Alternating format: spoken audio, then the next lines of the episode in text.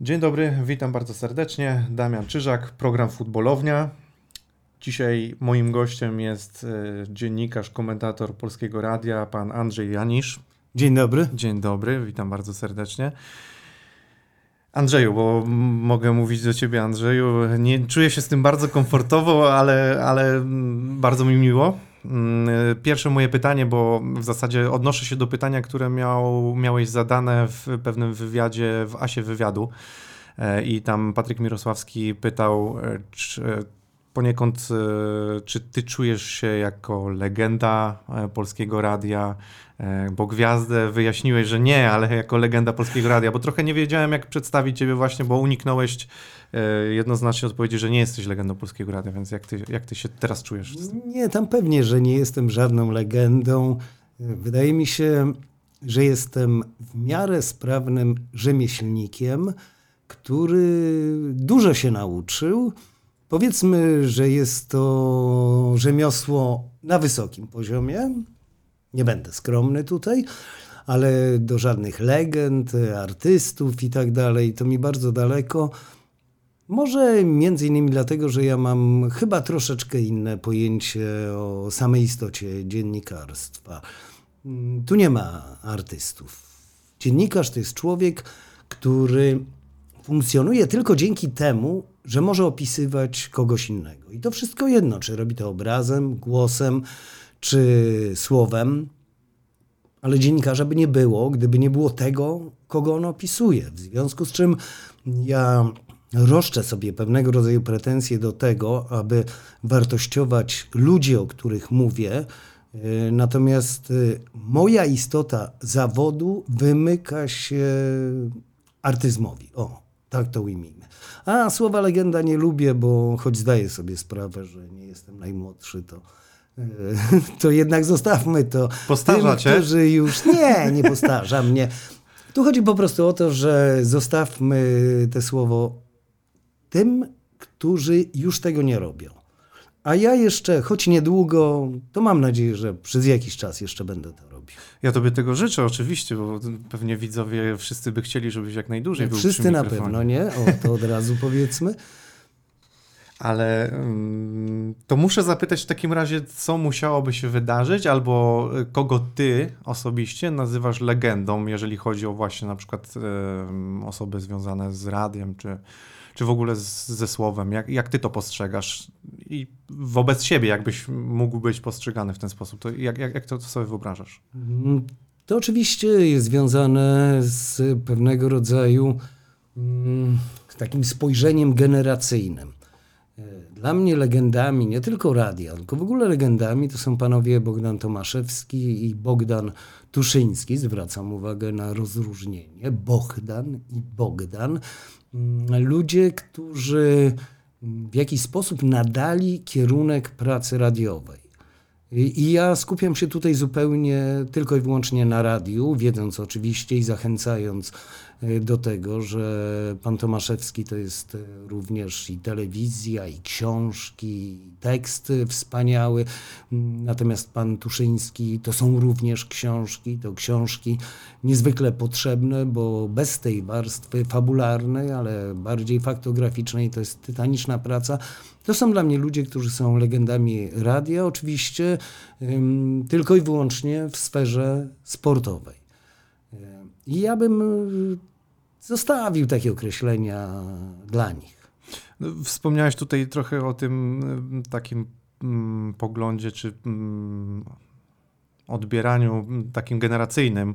Ja nie ukrywam, że ja ciebie tak odbieram, bo nie ukrywam, że tutaj to spotkanie nie jest przypadkowe, bo ja pamiętam jak z moim kuzynem na wsi po prostu nastawialiśmy e, po graniu już w piłkę, e, schodziliśmy z boiska, żeby tylko włączyć e, radio i, i, i studio S13 posłuchać i audycji, relacji z meczów, więc nie ukrywam, że po prostu dla mnie to postrzeganie w ten sposób, tak to odbieram, dlatego no, cała przyjemność, że mogę, że mogę się z Tobą tutaj spotkać i posłuchać tego głosu już na żywo. To jest wielka przyjemność, ale tak właśnie mi się wydaje, że właśnie to, co zwrócić uwagę, czyli to generacyjne spojrzenie, ma znaczenie. No, no ma znaczenie, dlatego że y, ja w podobnej sytuacji jak Ty też słuchałem i kroniki sportowej, i studia S13 i, i dlatego zostawiam to określenie dla tych ludzi, których ja wtedy słyszałem, a nie dla siebie.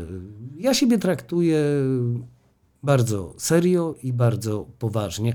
Niektórzy mówią, że jestem zarozumiały. Pewnie trochę jestem, może nawet więcej niż trochę, ale wydaje mi się, że dziennikarz powinien być zarozumiały, ale jednocześnie słuchający podpowiedzi innych ludzi, oglądający się i pławiący nie tylko w zachwycie, ale także w krytyce. I to jest chyba najbardziej w tym wszystkim istotne. A ja rozumiem, że jesteś krytyczny wobec siebie. Masz. Bardzo. E, tak? Po pierwsze, nie lubię własnego głosu. I naprawdę? Naprawdę i wydaje mi się, od, że. Od ciebie bardzo, usłyszeć, że ty nie lubisz swojego tak, głosu, to jest dla mnie coś. Bardzo co... wielu ludzi, jak ja pamiętam, mówiło, że największym nieszczęściem jest odsłuchiwanie własnych transmisji. Dlatego, że no powiedzmy, że teraz ja już tego nie robię. Teraz zresztą są inne możliwości, ale kiedyś e, ucząc się, trzeba było nie tylko słuchać innych, ale słuchać siebie, żeby później, po jakimś czasie, po chwili odpoczynku namysłu, człowiek mógł posłuchać tego, co mówił, bo w emocjach nie zawsze się nad tym panuje. W związku z czym przez, wydaje mi się, pierwsze 10 lat to ja regularnie słuchałem swoich transmisji. I to było dla mnie przekleństwem, katorgą, bo mnie się nie podobał mój głos. I, I jeszcze jedno, ten głos brzmi zupełnie inaczej, jeżeli człowiek mówi tak, jak mówi. Ale jeżeli ktoś chce spróbować, bo pewnie tacy ludzie są, e, to wystarczy zrobić w ten sposób. Przykryć uszy, tak, i e, nastawić się do przodu i zrób to i powiedz coś i poczujesz, że ten twój głos jest zupełnie inny. Zobaczymy, czy tak będzie. Jak sobie to odsłucham później, widzowie też odsłuchają i zobaczymy. Ale czy... słyszysz inaczej. Ale słyszę inaczej, no. Kompletnie. No właśnie. No więc y, wracając do tego, nie lubię swojego głosu. I tyle. Nie no, no kompletnie mnie zaskoczyłeś, że, że, że, że ja usłyszę... Chociaż przyznam, że miałem takie pytanie właśnie, bo chciałem zasugerować, że wiele osób nie lubi swojego głosu, ale po tobie bym się nie spodziewał tego. Muszę zapytać, znaczy w zasadzie ja lubię sobie trochę wspominać. Mm, często z byłymi piłkarzami wspominamy, z byłymi trenerami czy trenerami trochę stare czasy i z tobą też chciałbym powspominać, a głównie ze względu na to, że dzisiaj zostać dziennikarzem, komentatorem, e, no, młodzi ludzie mają trochę inną ścieżkę mm, rozwoju i kariery i nie wiem, czemu się w sumie zaśmiałeś, ale rozumiem, że to troszeczkę Yy, masz jakieś spojrzenie na to i chciałem zapytać, jak to było w Twoich czasach, a jak, jak postrzegasz obecne czasy? No teraz jest łatwiej, powiedzmy to od razu. Łatwiej, okej. Okay. Jest więcej miejsc pracy. Kiedyś było jedno radio, jedna telewizja, trzy sportowe gazety, raptem z osiem innych centralnych i trochę gazet lokalnych. W związku z czym dostać się na staż dziennikarski było niezwykle trudno i, i przede wszystkim trzeba było skończyć studia. Bo oczywiście byli tacy dziennikarze, którzy gdzieś tam pracy magisterskiej nie napisali, ale oni przynajmniej na tych studiach byli. Później musieli to wykształcenie uzupełniać. Ale nie mówię tego po to, żeby się wywyższać, tylko mówię to po to, żeby zwrócić uwagę na to, że żeby być dziennikarzem, to trzeba mieć trochę szersze horyzonty i widzieć coś więcej niż tylko ten zielony plac 75 na 105 metrów, albo w, przypadku innych sportów e, zdecydowanie mniejszy. Do tego ja nie kończyłem dziennikarstwa. I polecam to wszystkim. Dziennikarstwa nie należy kończyć, trzeba skończyć inne studia, e, rozwijające w jakiś sposób, e, dające spojrzenie na świat. Natomiast warsztatu nauczyć się jest najprościej. To jest kwestia tam w moim przypadku zaledwie 10 lat. I już uważałem, że, że byłem dziennikarem, dziennikarzem. Wiem, śmiejesz się, ja sam się z tego śmieję Teraz y, ludzie napiszą dwa teksty, zrobią jedno wideo albo jakieś jedno nagranie i, i mówią, że są dziennikarzami. Otóż nie są. Są pracownikami mediów, ale nie są dziennikarzami.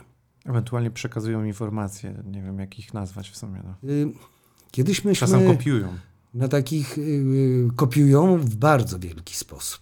Ja do tego może się najpierw odniosę, dlatego że za moich tych młodych czasów, kiedy ja się uczyłem dziennikarstwa, oczywiście słuchało się innych, ale nie słuchało się po to, żeby wyjąć kajecik i zapisać jakieś określenia. Mm, Człowiek szukał typu narracji, e, szukał momentu ekspresji, szukał pauzy, kiedy zrobić pauzę, bo to jest niezwykle konieczne. E, Ja mimo, że pracuję w radiu, to do tej pory łapię się na tym, że ja jeszcze w radiu pauzę potrafię zrobić. Nawet e, relacjonując mecz ze stadionu, pozwalać wybrzmieć temu stadionowi, speakerowi. Natomiast e, no widzę, że w tej chwili to wygląda w taki sposób, jakby ilość, liczba słów wypowiedzianych w minucie była wyznacznikiem tego, czy ktoś jest, dobry, czy zły.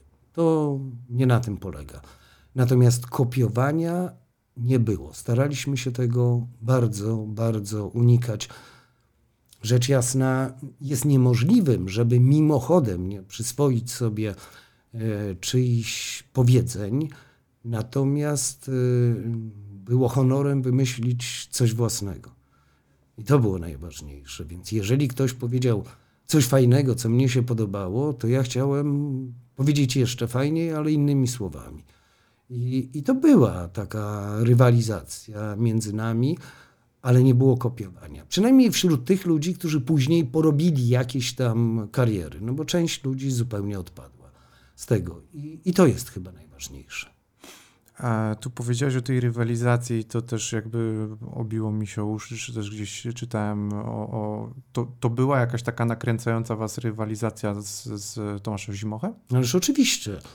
Oczywiście. My prywatnie się nie lubiliśmy albo byliśmy obojętni wobec siebie, natomiast y, nie ukrywam, że bez rywalizacji z Zimochem ja byłbym zupełnie innym dziennikarzem. Być może on tego nie powie o mnie, ale to akurat jest y, zupełnie co innego. Dla mnie to było niezwykle istotne, bo, bo był to człowiek, y, od którego ja chciałem być po prostu lepszy, ale być lepszy metodami fair, tak jak jest w sporcie. I, i ja sobie tę rywalizację bardzo cenię.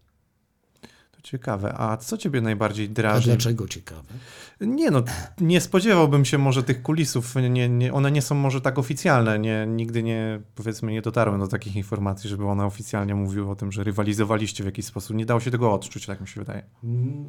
No i to jest właśnie fajne. Tak, no To jest fajne. dlatego mówię też ciekawe. że my ze sobą rywalizowaliśmy, ale między sobą, natomiast być może tak y, inni ludzie o tym nie wiedzieli.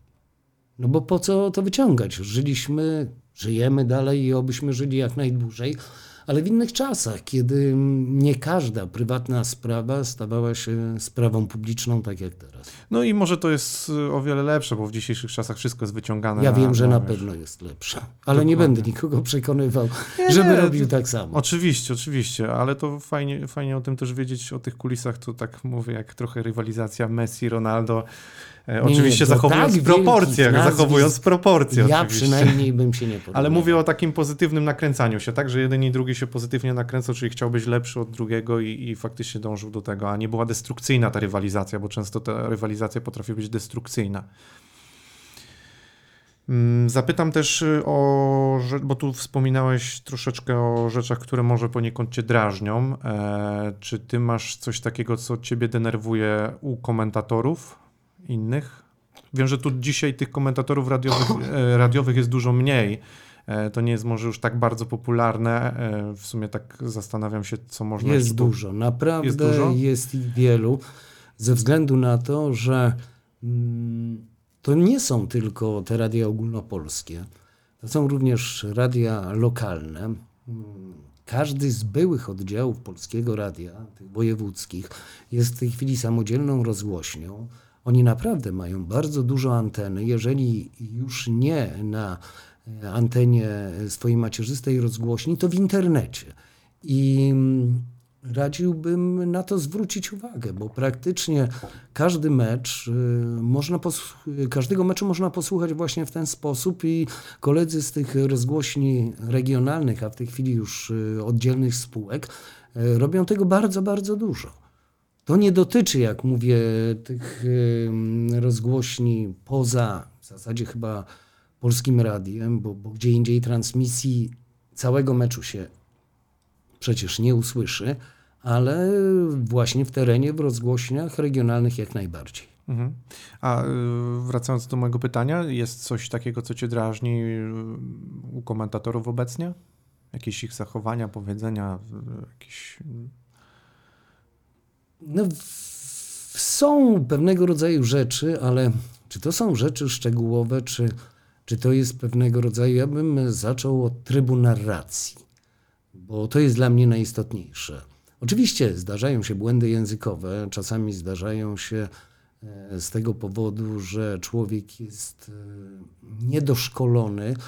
Czasami zdarzają się z, prostego, z prostej przyczyny, że to są emocje, że czasami, e, no może nie zawsze człowiek się kontroluje w tym, co mówi. To, to jest rzecz pierwsza, ale najważniejszy jest tryb narracji. Jeżeli Mm, ja słyszę kogoś po raz pierwszy, to wydaje mi się, że mam już w sobie mm, tyle doświadczenia i mam już w sobie jakąś pewność pozwalającą stwierdzić, że ten człowiek będzie dobry, albo z tego człowieka nic nie będzie.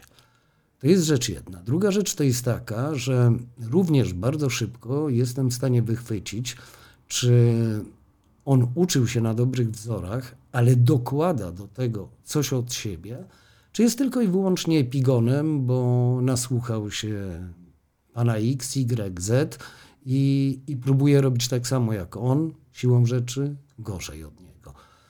To to są sprawy dwie.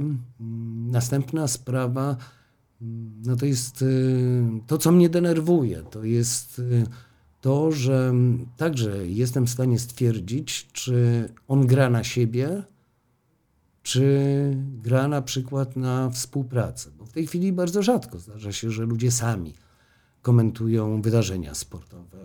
I dobrze, bo to jest niebywale ciężka praca, polegająca nie tylko na tej ilości słów wypowiedzianych, ale polegająca na tym, że jeżeli robisz jedną rzecz, to trudno ci kontrolować rzecz drugą.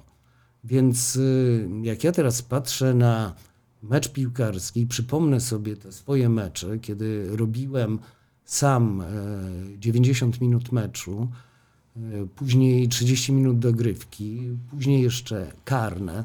Trzeba było to wszystko zapisać. To ja myślę, że ja w tej chwili w ogóle bym nie dał rady tego zrobić. I jeszcze to natężenie emocji, jeszcze głos, bo przecież te mecze robiło się czasem na mrozie, w śniegu, na mrozie. Głos siadał. Na końcu to człowiek rzęził czasami wręcz, więc to jest ciężka praca, tak. A jeszcze teraz, jak nas władze piłkarskie uszczęśliwiły pięcioma zmianami podczas meczu, no to proszę sobie wyobrazić e, człowieka, który. Ja mówię o radiu, w tej chwili nie o telewizji, bo doświadczenia telewizyjne także mam i, i one są łatwiejsze. Ale, e, ale mówię o radiu, jeszcze biorąc pod uwagę to, że sprawozdawca z radiowy zwykle nie ma monitora. On robi z boiska. I nagle między 60 a 90 minutą Pojawia ci się na boisku pięciu nowych zawodników w każdej drużynie, czyli dziesięciu ludzi. Czyli zmienia się jedna trzecia e, tych, e, co już grali. E, do tego wchodzą parami albo nawet trójkami. I teraz mówiąc, jednocześnie musisz sobie zapisać. Musisz wiedzieć, kto wchodzi, musisz skreślić tego, kto schodzi. Na kartce tej, na której ja rozrysowuję sobie składy, już nie ma miejsca na to. A ty jednocześnie musisz wiedzieć, że porządku, jak człowiek wchodzi jeden do jednego, napastnik za napastnika, to jest dobrze, ale wynik jest taki, jaki jest. Za napastnika wchodzi obrońca, tu pomocnik, czy lewy, czy prawy, to o tym już nie masz pojęcia, bo jednocześnie musisz mówić, jednocześnie musisz patrzeć na te boisko, a nie tylko na tę strefę zmian. Powiedzieć, co jest na trybunach, czy ludzie gwiżdżą. W związku z tym, no ja uważam, że w tej chwili robienie meczu samemu to jest takie powolne zakładanie sobie stryczka na szyję i w miarę upływu czasu samemu pociągania za ten sznur, który cię coraz bardziej dusi. No więc y, to są, ale to była, to była dygresja. No i jeszcze jest jedna rzecz, to są tak zwane kalki językowe. Czyli jeżeli y, coś mówimy, to mówimy w taki sposób, w jaki mówi to stu innych sprawozdawców czy komentatorów. I to nie jest pretensja, ale to jest rada dla tych ludzi, którzy próbują pracy z mikrofonem. Żeby czytali książki, słuchali audiobooków, jeżeli nie są w stanie już w tej chwili, bo z nami takich, e, sięgnąć po książkę, żeby starali się rozmawiać na wszystkie tematy, żeby poszerzyć zakres słownictwa. E, zauważyłem również e, u sprawozdawców, komentatorów to, że teraz jest zalew liczb. Futbol opisywany cyferkami. To nie jest zadanie dla komentatorów. Jeżeli ja słyszę, że człowiek podczas transmisji jest w stanie powiedzieć, że e, to nic dziwnego, bo przecież on w siedmiu ostatnich meczach strzelił cztery bramki, miał cztery kluczowe asysty, a współczynnik e, podań e, tych przedostatnich, jakaś asysta przedostatnia, to ja po minucie przestaję rozumieć, o czym ten człowiek mówi cyferki i te wszystkie statystyki, te analizy meczów zostały stworzone po to, żeby z nich wyciągnąć wnioski. Oczywiście jest fajnie, jeżeli powiemy, że Lewandowski właśnie strzelił 74. bramkę przy okazji, no wcześniej, poprawiając rekord Lubańskiego. To jest istotne, prawda? Albo poprawiając rekord Millera. To jest istotne. Ale to, czy on strzelił 16 bramkę w dołowym meczu e, dla Bayernu, poprawiając rekord jakiegoś innego człowieka, to nie jest istotne. Naprawdę nie jest istotne. Wydaje mi się, że lepiej coś opisać, lepiej wyciągnąć e, z tego wniosek. W związku z czym, jak słyszę e, te liczby na antenie, no to staram się od tego uciekać, bo ja przyznaję, po, po jakim czasie przestaję to rozumieć. Choć z drugiej strony, ja oczywiście doceniam tę pracę włożoną w przygotowanie do transmisji, ale może czasami lepiej przed transmisją popatrzeć w niebo, wyciszyć się, pomyśleć o zupełnie czymś innym i dopiero wtedy zacząć. Przy czym, jak mówię, to nie są wyroki ostateczne, bo mm, oni nie robią tego tylko dla mnie. Oni robią to Mam nadzieję, przede wszystkim dla tych ludzi, którzy ich słuchają. I jeżeli ci ludzie ich zaakceptują takimi, jakimi oni są, no to znaczy, że takie jest zapotrzebowanie. Niemniej jednak y, no warto by było, żeby tych słów nie było więcej, ale żeby one czasami były inne, żeby nie na każdą sytuację mieć tylko jedno określenie. Ja czasami, jak żartuję, to no jest w tym trochę przesady, ale jest to efektowne, więc powiem, że mnie się czasami wydaje, że ja używam y, większej liczby przekleństw niż niektórzy komentatorzy znają słów po polsku. O. Tak, gdyż posługuję się na co dzień również takim językiem. I staram się nie być E, w tym również powtarzamy. Nudny. Muszę Ciebie zapytać, nie wiem, czy będziesz chciał na to odpowiedzieć, ale, mm, ale to jest pytanie, które może być trochę niewygodne. Jeżeli będziesz mógł, to czy możesz w ogóle powiedzieć, kto z komentatorów e, z tych, którzy komentują jakby w telewizji, mm, czy tam nawet radiowych, jakąś zrobić klasyfikację, kogo najbardziej jakby tam doceniasz, e, a kogo najmniej cenisz, jeżeli chodzi o takie warsztatowe sprawy komentowania? Nie, nie. To y, klasyfikacji takiego rankingu. To może nie przepraszam, zrobię. nie klasyfikacji, kogo tak jakbyś tylko natomiast wymienił? y, powiem, bo to są oczywiście ludzie, których albo słucham, albo, No dokładnie. albo słuchałem i, i jeżeli chodzi o radio, to dla mnie niedościgłym mistrzem y, był Darek Szpakowski. W radiu absolutnie numer jeden.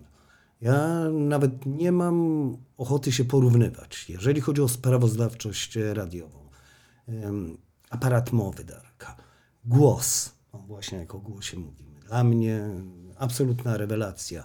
E, Szybkość mówienia, umiejętność e, takiego zachowania balansu między właśnie dużą emocją, a pewnego rodzaju wyciszenie. E, Jurek Góra e, z Katowic. Również moim zdaniem doskonały sprawozdawca radiowy. To byli ludzie, których ja słuchałem, którzy pomogli mi stać się sprawozdawcą. Jeżeli chodzi natomiast o telewizję, to, to to jest e, sprawa również e, poszczególnych dyscyplin. Mm. Jeżeli chodzi o lekką atletykę, dwaj ludzie. E, To jest Włodek Szaranowicz i Marek Rudziński. Marek Rudziński, z którym miałem wielką przyjemność. Zresztą mój przyjaciel, on mnie ściągnął do radia. E, On sprawił, że, że ktoś mnie w radiu przyjął, mm, że w ogóle tam przyszedłem, no, że się usłyszałem. E, Więc e, tak, Szaranowicz, który przejął e, pałeczkę robienia lekkiej atletyki w telewizji po Arturze Jaroszewskim, który był z zupełnie innej planety, był z zupełnie innej generacji, posługiwał się innym językiem. Nagle przyszedł ktoś taki jak Włodek, pełen entuzjazmu, który bardzo, bardzo pracował na tym, żeby stać się znakomitym komentatorem i stał się tym komentatorem. E, Marek Rudziński, no klasa sama w sobie, taki absolutny spokój, też perfekcyjne przygotowanie. Zwracam uwagę, że mówię o ludziach, którzy zaczynali w radiu.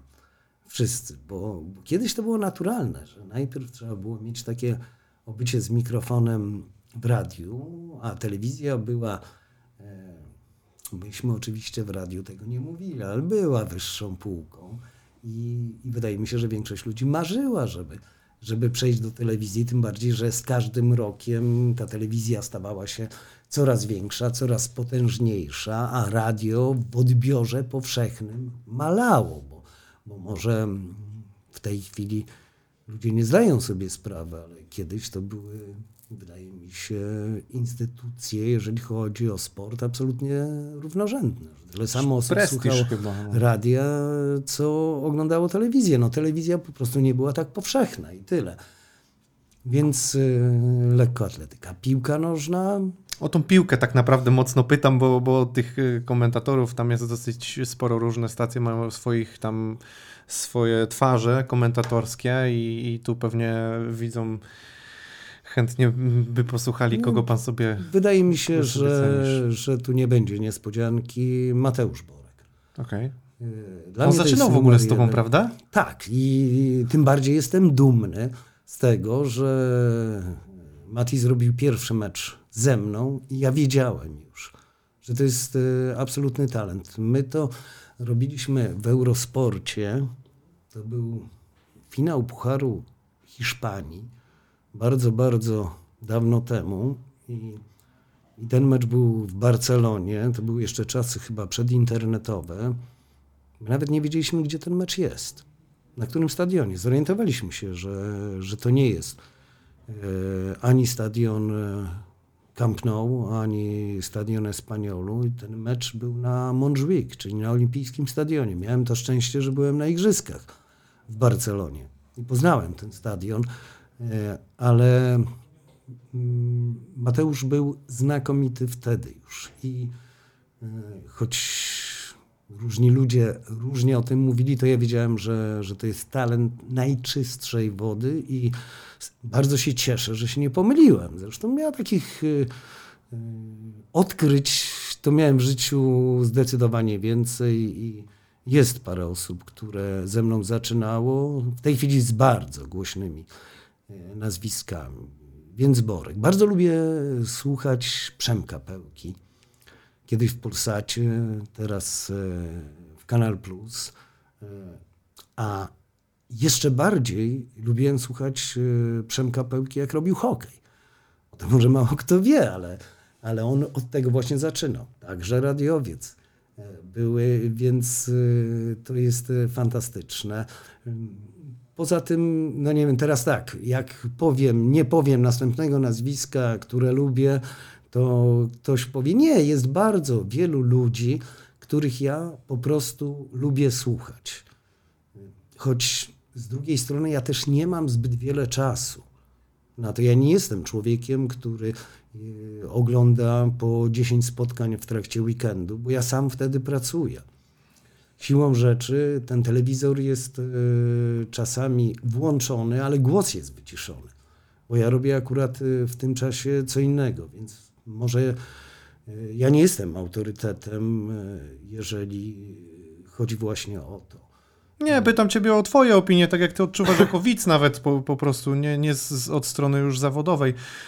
No, Ale jestem specyficznym rodzajem wiem, wiem. widza, bo, to... bo nie naprawdę trudno się wyłączyć od pewnego rodzaju oceny, od tak, tego, że czasami mówię, a fajnie to powiedział, E, warto by zrobić podobnie albo nie, no to było beznadziejne, tak, e, tak nie można robić. To nie jest tylko, że, że ja bazuję wyłącznie na, na emocji, choć z drugiej strony, że ja myślę, że tak dużo tego jest, prawda? Tak wielu jest sprawozdawców, komentatorów, dziennikarzy, ale ja twierdzę, że to niebawem przestanie być potrzebne. Dlaczego? bo widzowi mm, zostaną dostarczone takie możliwości technologiczne, że ten komentator y, będzie zbędny. Y, on sobie puści dźwięk ze stadionu, będzie taka możliwość, już jest. On y, dostanie aplikację, na której w jednej chwili będzie mógł się dowiedzieć o każdej interesującej go rzeczy, jeżeli ktoś strzeli bramkę, powiedzmy, w jakiś spektakularny, banalny sposób, to teraz jest kwestia komentatora, żeby zrobił odwołanie, tak? Że strzelił tę bramkę tak, jak zrobił to, nie wiem, pół roku temu, miesiąc temu, 20 lat temu kto inny, y, wie, albo nie wie. Jest na to przygotowany, albo nie jest. Nie ma komentatora, który byłby przygotowany na każdą ewentualność boiskową. I to w każdym sporcie, nie tylko w piłce nożnej. A ten widz kliknie sobie i on za chwilę już będzie wiedział. Tak, były cztery takie sytuacje. Jedna miała miejsce trzy miesiące temu, druga dwa lata temu, a pierwsza w ogóle 20 lat temu. Ja przypominam sobie, jak e, ja rozpaczliwie e, szukałem w internecie właśnie sytuacji odnoszących się do pięciu goli Roberta Lewandowskiego z Wolfsburgiem w ciągu dziewięciu minut. Nie byłem na to przygotowany. To miał być taki sam mecz jak każdy inny. I nagle okazuje się, że, że gol, gol, gol, gol, gol i za każdym razem Lewandowski. Trzeba było e, coś wiedzieć. Nie ma komentatora, który wchodziłby na stanowisko i wiedziałby, że miał w zapasie, oczywiście tego nie trzeba użyć, że pięć bramek w ciągu 9 minut to strzelił 20 lat temu Gerd Miller na przykład. Nie ma takich. No tylko tak mówisz, jakbyśmy mieli się obyć bez tego głosu naszego ulubionego komentatora. Tak jakoś ciężko mi sobie to wyobrazić, żebym go miał nie słyszeć nawet w tle. Niektórzy mam wrażenie, że... A może będzie tak, że te głosy będą generowane. Właśnie też mi to przyszło do głowy przez sekundę, że może będą generowane głosy. To wcale nie jest wykluczone. Jak FIFA, coś takiego, tak. nie? Czyli nagrywanie, tak. tak. jak Dariusz Szpakowski, czy teraz Tomek Smokowski nagrywają mm, głos do każdej sytuacji i się nagrywa już po prostu... Ja no. myślę, że, że to jest pójście w to. Będzie taniej, to na pewno. E, Każdy A... włączy sobie głos swojego ulubionego Oczywiście. komentatora. Tak, będzie wszystko zmierza oglądanie telewizji bez względu na to, czy telewizją nazwiemy streaming, czy coś. Ja to nazywam telewizją, powiedzmy, bo na tym jestem e, wychowany. Ale to zmierza e, w kierunku coraz większej personalizacji. E, trafia, sukces odnosi to, nie to, co jest absolutnie masowe.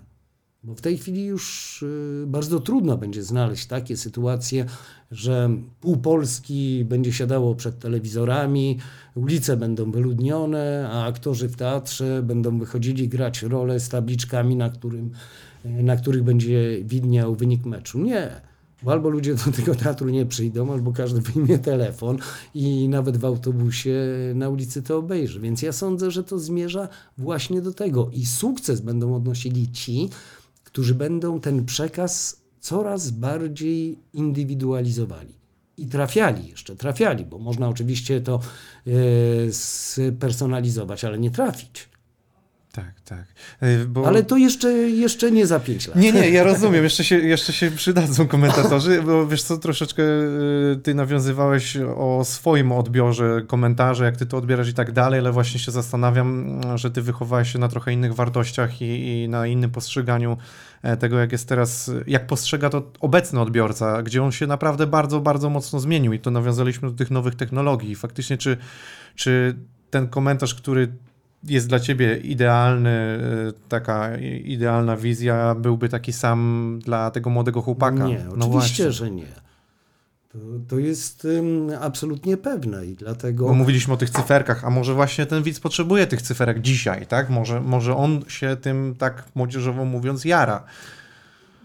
Nie. Ale to ja wracam znów do tego, o czym powiedziałem przed chwilą. Ale to jest najłatwiej znaleźć przecież. No, ale jeszcze tak media rzecz, dzisiaj działają, zauważ, Jeszcze nie? jedna rzecz. Teraz mówimy o kiedyś, jak ja uczyłem się e, dziennikarstwa, dziennikarz był pewnego rodzaju autorytetem. Dziennikarz wiedział więcej. Z reguły. W tej chwili ja obawiam się, że komentator wie tyle samo, albo nawet mniej. Już wyłuszczam dlaczego. Kiedyś mówił do widza masowego. Było bardzo wielu ludzi, którzy oglądali wydarzenie sportowe dla wydarzenia sportowego, ale nie byli zapiekłymi kibicami. Y, I oni chłonęli to, co mówił komentator, bo to była dla nich nowość. Komentator był pewnego rodzaju przewodnikiem po tym, co oni oglądali na ekranie, bądź e, słuchali w radiu. Teraz, jeżeli ten przekaz trafia do niszy, a ja z niszami mam do czynienia, chociażby komentując e, sporty walki, które nie każdy ogląda. I nie mówię tutaj e, na przykład o wielkich wydarzeniach, tylko o mniejszych. Jest mała widownia, ale tam nie ma przypadkowych ludzi. Tam są ludzie, którzy na tym sporcie doskonale się znają. I teraz zakładając, że ja siedzę w studiu, bo na przykład galę UFC robimy ze studia w Warszawie. Nie jesteśmy na miejscu. Mam przed sobą mniejszy albo większy telewizor. Mm, jakiś tam komputer oczywiście teraz jest, choć od niedawna, a zdarzało się, że go w ogóle nie było. I ja mówię do człowieka, który po pierwsze na tym się zna, ja się do tego przygotowuję, bo robię też kilka innych sportów. To nie jest tylko i wyłącznie moje zajęcie. On się na tym zna, bo on można powiedzieć, że ogląda mało innych sportów. E, ma telefon na, e, telewizor napuściany, przy sobie telefon, e, laptop być może i każdym dwa kliknięcie, co ten facet gada. To było inaczej. I bardzo często on ma rację. E, dlatego z jednej strony e, komentatorem jest być coraz trudniej, właśnie ze względu na uzbrojenie widza w technologię, i stąd jest ta moja teza o tym, że być może przyjdzie czas, że tylko takie wielkie wydarzenia, które trzeba będzie grać emocjami, ale emocje też można nagrać i też można puścić z Tak, masz rację. Przepraszam, że przeszkadzam, zwłaszcza w takim momencie. Nie denerwujcie się, ja potrzebuję dosłownie chwilkę Waszej uwagi. Jako, że jesteście oddanymi moimi widzami, to mam nadzieję, że mi to wybaczycie, że Wam przeszkadzam. Yy, przychodzę do Was z taką sprawą, ponieważ jest coś takiego jak App Gallery. Nie wiem, czy słyszeliście. App Gallery to jest praktycznie to samo co Google Play, yy, ale jaka jest jego zaleta? Przede wszystkim taka, że będziecie mogli korzystać z aplikacji, z gier znacznie taniej. Będziecie mieli tam do wykorzystania wszelkiego rodzaju bonusy, prezenty, e, będą promocje. Jest tego naprawdę mnóstwo, dzięki czemu zaoszczędzicie pieniądze. E, to, ten sklep nie jest tylko i wyłącznie dedykowany dla telefonu Huawei, możecie go pobrać na praktycznie każdy telefon z Androidem, więc jeżeli byście chcieli skorzystać z App to serdecznie Wam polecam sprawdzić, przetestować. E, link zostawiam w opisie, sprawdźcie to jak najszybciej. A w związku z tym, że mamy dzisiaj Black Friday, to obowiązkowo musicie w zasadzie pobrać App Gallery, no bo co tu dużo mówić. App Gallery przygotowało dla Was kody promocyjne, bonusy, vouchery i punkty, dzięki którym będziecie właśnie, tak jak wspominałem już wcześniej, skorzystać z tego taniej. I ja też przygotowałem dla Was tutaj specjalnie e, link promocyjny w związku z Black Friday, także jeżeli sprawdzicie w opis, to oprócz tego, że jest link do App Gallery, to jeszcze jest link do promocji związanej z Black Friday. Jesteście na kanale piłkarskim, no to muszę wspomnieć o jednej grze, która jest chyba najbardziej tutaj e, skierowana do właśnie pasjonatów i kibiców piłkarskich. Ci, którzy grali kiedyś w Football Managera czy Championship, na pewno e, mogliby się odnaleźć właśnie w takim klimacie, a konkretnie chodzi mi o jednego z najbardziej popularnych piłkarskich menadżerów na urządzenia mobilne, Top 11. I jeżeli chodzi o kwestię App Gallery, to tam możecie z, tego, e, z tej gry skorzystać taniej. Więc ten, ci, którzy już tą, w tą grę grali, polecam, można spokojnie przenieść swoją całą grę z zachowanymi wszystkimi save'ami do, dzięki App Gallery i korzystać z niej taniej, ponieważ tam znajdziecie dedykowane promocje dzięki temu. Także śmiało do tego zachęcam. Dobra, i już kończąc, ostatnia bardzo kluczowa rzecz. Jest konkurs z nagrodami, bardzo wartościowymi. Telefon Huawei Nova 9 smartwatch od Huawei'a, słuchawki od Huawei'a. Co wystarczy zrobić? Otóż proszę zalogować się, zarejestrować się na oficjalnego Discorda App Gallery, wpisujecie tam swój nick i później pod tym filmem też wpisujecie swój nick z Discorda. Spośród tych osób, które wpiszą w komentarzu na dole pod filmem swoje komentarze właśnie z tym nickiem, będziemy robić losowanie i jest taka szansa, że wygracie jedną z tych nagród, o których mówiłem. Gorąco zachęcam. Dzięki bardzo za wysłuchanie. Przechodzimy do wywiadu. Soreczki, że się wtrąciłem, ale myślę, że było warto. E, muszę się odnieść, wrócić trochę do wątku tych komentatorów, e, bo ciekawie mnie mówisz o Dariuszu Szpakowskim, ale też zapytam Ciebie o jeszcze o te oceny innych komentatorów. To może zanim przejdzie, przejdę do, do Dariusza Szpakowskiego, to zapytam Ciebie, jak Ty oceniasz na przykład komentarz w stylu e, Tomasza Hajty, albo teraz obecnie na przykład Kazimierza Węgrzyna, który też w sposób specyficzny, bo mówi się, że to były osoby, może bardziej y, Kazimierz Węgrzyn, który komentował w Kanal Plus, robi to inaczej. Nie chcę porównywać jeden do jeden, ale mówię, że, mówi się, że oni troszeczkę trafiają do takiego widza, jak ty trochę wspomniałeś, masowego, czyli przy tej reprezentacji obejrzy to, nie wiem, moja mama, e, każdy, kto się niekoniecznie interesuje piłką i te emocje tym trochę krzyczeniem, graniem głosem wzbudzają u nich też jakieś zainteresowanie. Jak ty oceniasz tego rodzaju komentarz? To ja zacznę od tego, że każdy z nich jest inny. No tak, nie chciałem. Jest, mam nadzieję, że rozumiesz sens. Do, do, do, Tak. Druga rzecz jest taka, że mm, ja jestem wychowany, e, w, jeżeli robi się we dwóch mecz, we dwie osoby, no powiedzmy nie we dwóch, bo równie dobrze mogą to być kobiety, e, że jest e, ten pierwszy, tak zwany z angielska color commentator, czyli ten, który robi całą otoczkę, ten, który prowadzi narrację. Jest drugi, który jest ekspertem. Ani Kazio Węgrzyn, ani Tomek Hajto nie są dla mnie stricte komentatorami. Oni są ekspertami. I teraz jest kwestia, w jaki sposób korzystasz z eksperta. Ja przyznam się, że z Węgrzynem meczu nie robiłem, ale z Hajto jak najbardziej i to wiele. Dla mnie, i to zależy ode mnie wtedy, to zależy od komentatora, zadaniem jest wydobycie tego, czego ja nie wiem i czego nie wiedziałem. Ja wiem, że coś takiego było i na przykład on w tym brał udział. I ja chcę, żeby on o tym opowiedział. Fantastyczne było to, jak Tomek opowiadał o tym, jak rozbił telewizor w szatni Szalkę, jak nie zdobywali mistrzostwa ta słynna sprawa, kiedy mm -hmm. ich mecz się już skończył, a Bayern tak, nadal tak. grał i ten wolny, prawda, kiedy oni koszulki moment. już mieli mistrzowskie i on mi wtedy powiedział, on opowiedział to, niby wszyscy wiedzieliśmy, ale to jest opowieść bezpośredniego uczestnika. To on ten telewizor wyrzuca.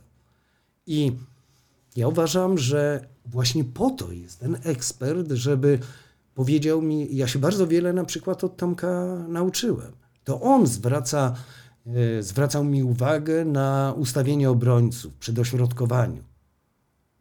E, że obrońca ma nie patrzeć, gdzie jest piłka, tylko gdzie jest zawodnik, bo później on patrzy na piłkę, a, a ta piłka przychodzi, jest człowiek, którego on nie widział.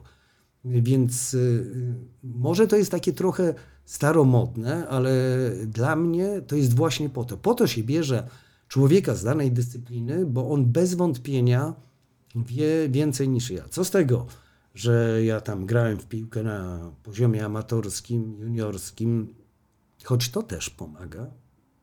Mm, człowiek staje się lepszy niż y, biorąc pod uwagę tego, który tego nie robił. Co z tego, że obejrzałem nie wiem, 10 tysięcy meczów, 20 tysięcy, nie wiem. E, ale oni to wiedzą instynktownie. I taki na przykład Jerzy Engel, bo byłem pierwszym człowiekiem, który e, do transmisji radiowej zaprosił Jerzego Engela. I nagle e, robimy razem ten mecz. Przepraszam, my nie mówimy, transmitujemy, opowiadamy, nie. My mówimy, robimy, bo taki jest slang dziennikarski i komentatorski. I on coś mówi. Dla mnie to jest odkrywcze. Ja później patrzę na boisko i tak, on ma rację. Tylko, że ja się muszę tego nauczyć, a on to wie, no bo to jest istotą jego zawodu. I to samo jest y, z piłkarzami. Oni potrafią powiedzieć taką rzecz. I ja wolałbym, żeby oni właśnie mówili o tym, na czym znają się najbardziej, a nie brali się za kreowanie emocji. Za narrację. Opis, narrację, tak. Mhm. Od tego jest y, ten drugi. Tak zwana jedynka. Y, ale bezwartościowanie.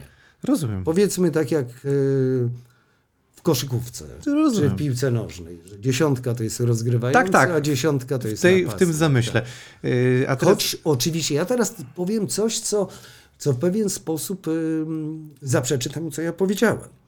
Bo na przykład y, sporty walki komentuję z Łukaszem Jurkowskim. No, I na początku y, ta relacja między nami była właśnie taka że on był ekspertem, on mówił o tym, o czym ja nie wiedziałem, a e, rzeczy dla mnie nieznanych było zdecydowanie więcej niż w piłce nożnej. Ja natomiast byłem tym człowiekiem, który odpowiada za emocje, narrację i nawet powiem mówienie po polsku. I nagle, bardzo szybko okazało się, to jest drugi talent po Borku absolutny talent, który jeżeli ja Łukaszowi zwróciłem uwagę, że w ten sposób się nie mówi, słynne w cudzysłowie, w cudzysłowiu, to on już tego nie powiedział. On natychmiast to zapisywał w głowie i nigdy więcej już tego nie było. Przy okazji on uczył mnie MMA. I w tej chwili y, relacja między nami jest y, zupełnie inna. My jesteśmy równoprawni. Ja mogę powiedzieć o technice, bo pod jego okiem ja się tego nauczyłem.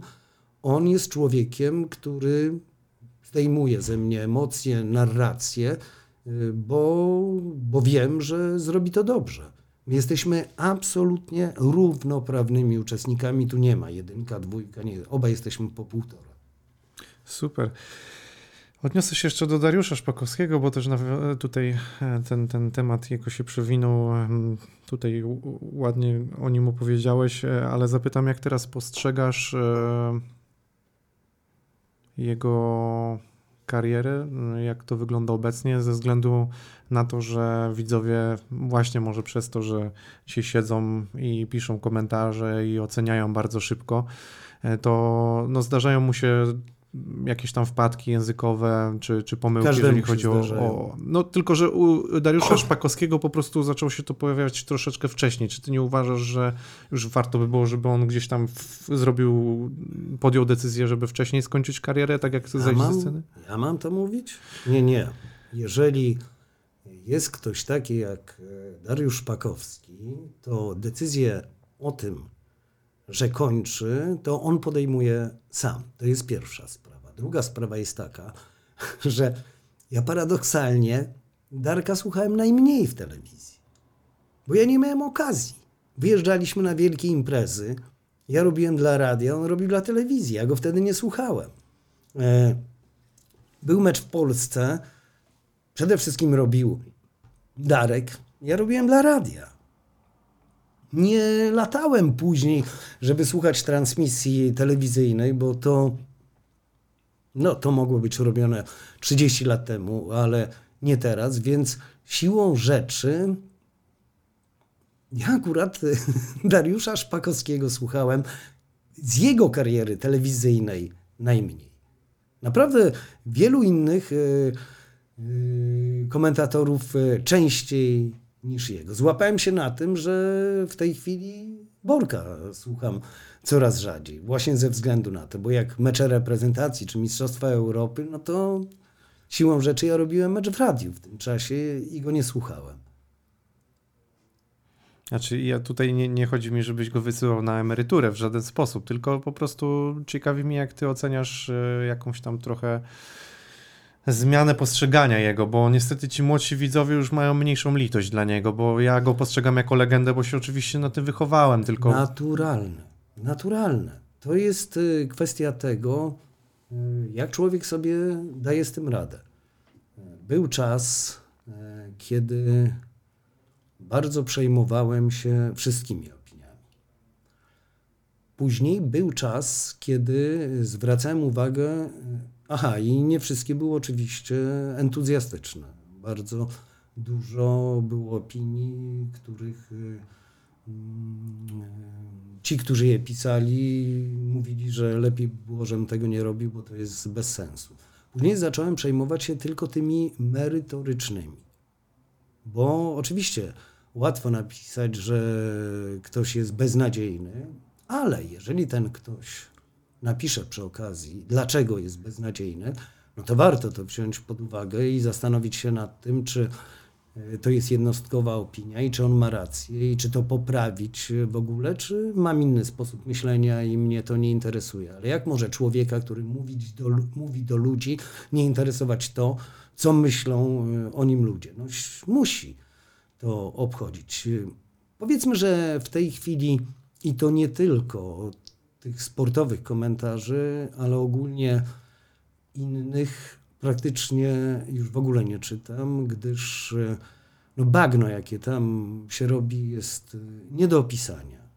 Tam już prawie w ogóle nie ma żadnej merytoryki, jest tylko obrzucanie się wyzwiskami i to wzajemne, co ciekawe, bo ono zaczyna się od jednego tematu, a po 10 czy 15 komentarzach ten temat w ogóle nie jest istotny, bo ludzie wyzywają się wzajemnie od najgorszych, więc y, chyba szkoda czasu na to. Lepiej książkę przeczytać, posłuchać jakiejś muzyki, iść na spacer z psem, pobawić się z wnukiem, tak jak ja.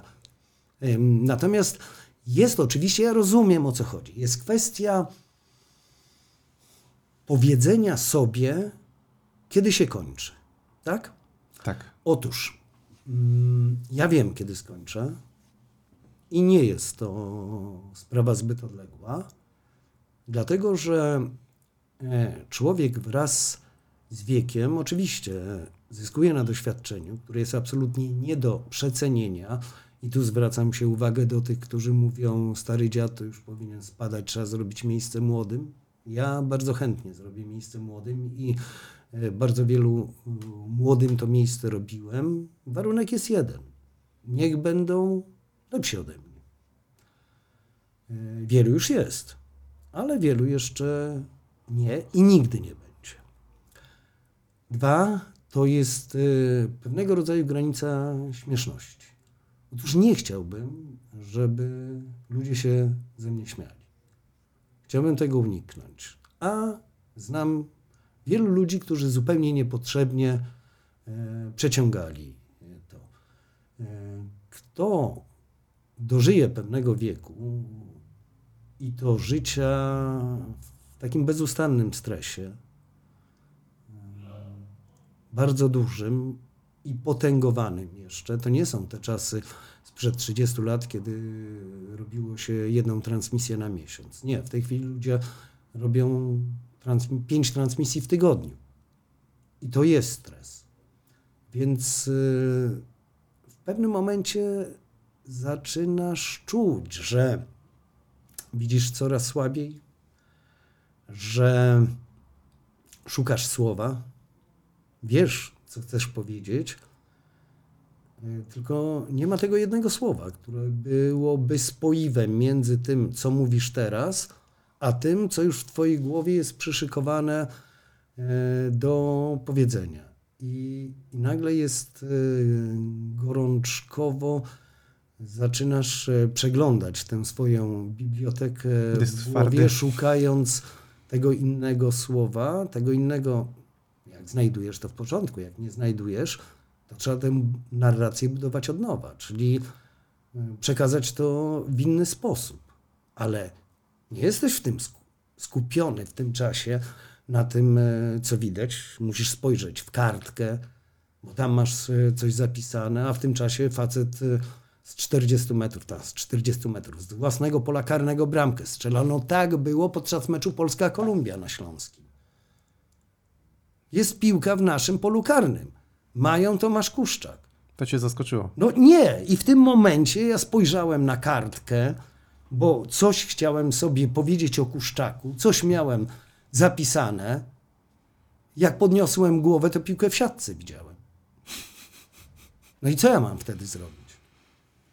Albo sytuacja, no oczywiście znów dygresja, ale powiedzmy, że jakaś anegdota. Jest mecz o brązowy medal Mistrzostw Świata w Korei i w Japonii. E, Turcja gra z Koreą. I sytuacja jest niezwykle ciekawa, bo mecz się zaczyna. Ja trochę później zostałem wpuszczony i muszę przedstawić składy. Więc przedstawiam te składy. Reprezentacji Korei. Pokażcie mi takiego, który skład reprezentacji Korei powiedziałby z głowy, nie posiłkując się kartką. No więc czytam ten skład, zerkając od czasu do czasu. I patrzę, a tu Hakan Szukur biegnie do mnie, bo w stronę mojego stanowiska, do bocznej linii z podniesionymi rękami. No sytuacja jest jednoznaczna. Nie dostał wiadomości, że mu się dziecko urodziło, tylko strzelił gola. A ja nie widziałem tej bramki. Jest pierwsza minuta meczu. I nie wiem, co się stało. I w tym momencie klapka w głowie. Obraz telewizyjny, znaczy głos komentatora telewizyjnego, do Polski dociera z sześciosekundowym opóźnieniem. Mój dociera bezpośrednio. I tu od razu mówię, na Mistrzostwach Świata czy Mistrzostwach Europy komentatorzy radiowi mają telewizory. To są jedyne takie przypadki, bo, bo to organizuje FIFA albo UEFA, więc stanowisko jest wyposażone w monitor.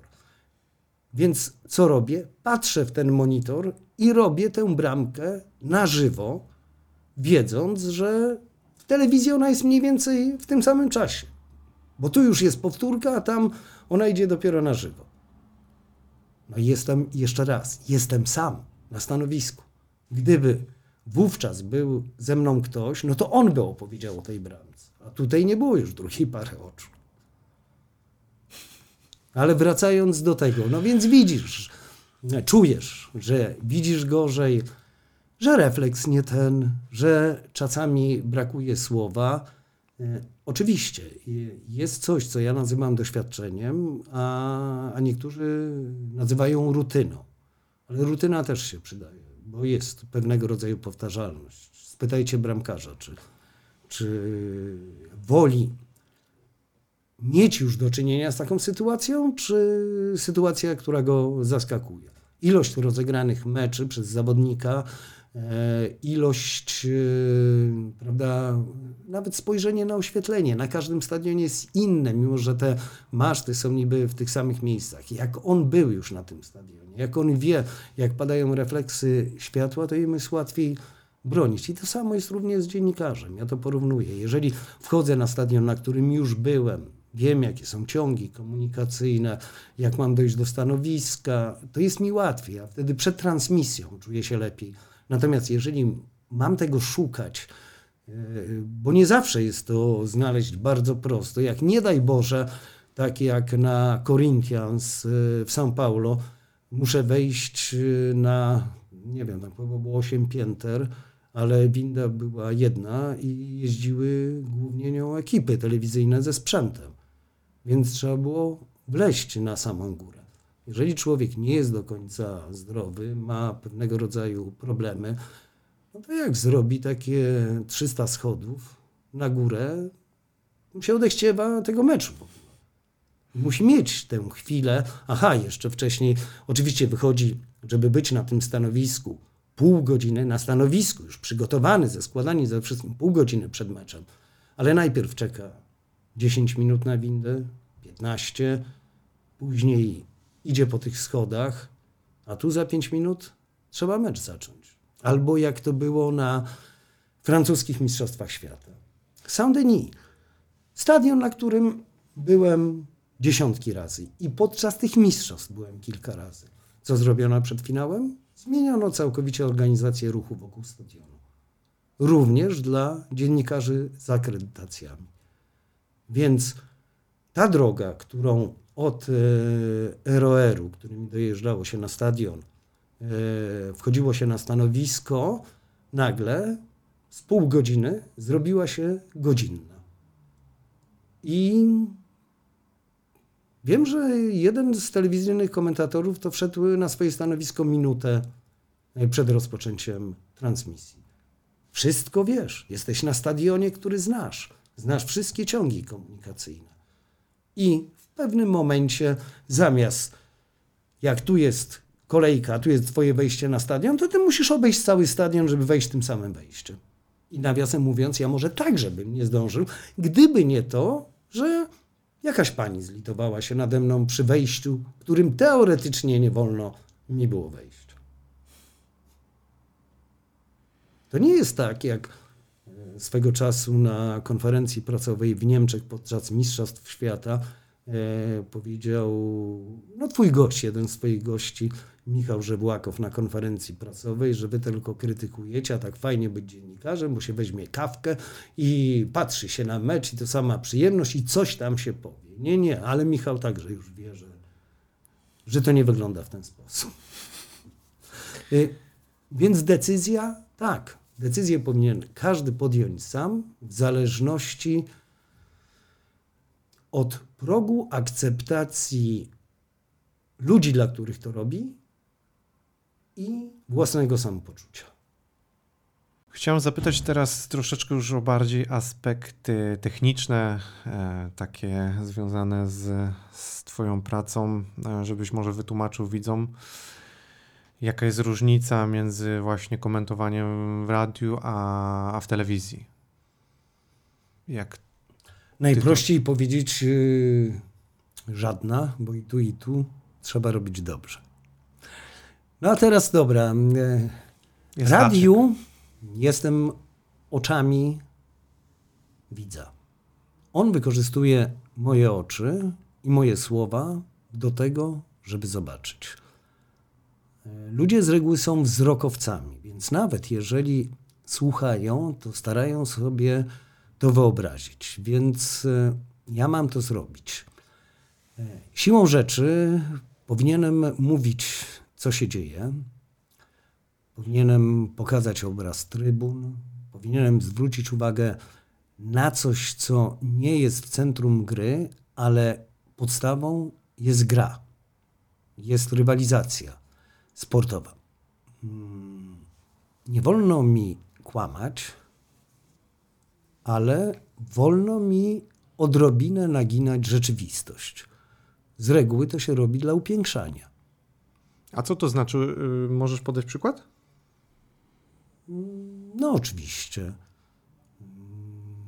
No jeżeli powiem tylko, że, że taka, że piłka leci po trawie, prawda?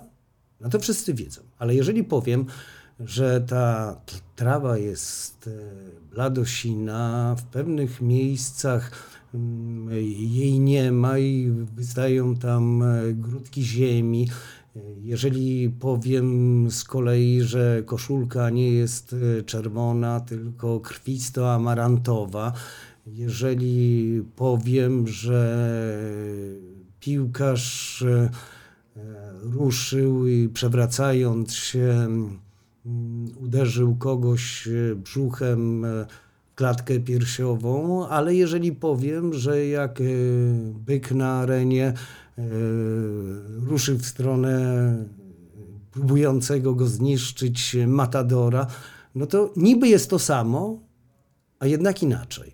Jeżeli powiem, że piłkarz wrzuca piłkę z autu na boisko jeżeli powiem, że wziął piłkę w ręce, Zacisnął na niej dłonie, napiął mięśnie brzucha, odchylił się i z całym wysiłkiem posłał ją na 35 metrów. To też jest to to samo, prawda? Ale jest inaczej. Więc my tacy trochę bajkopisarze.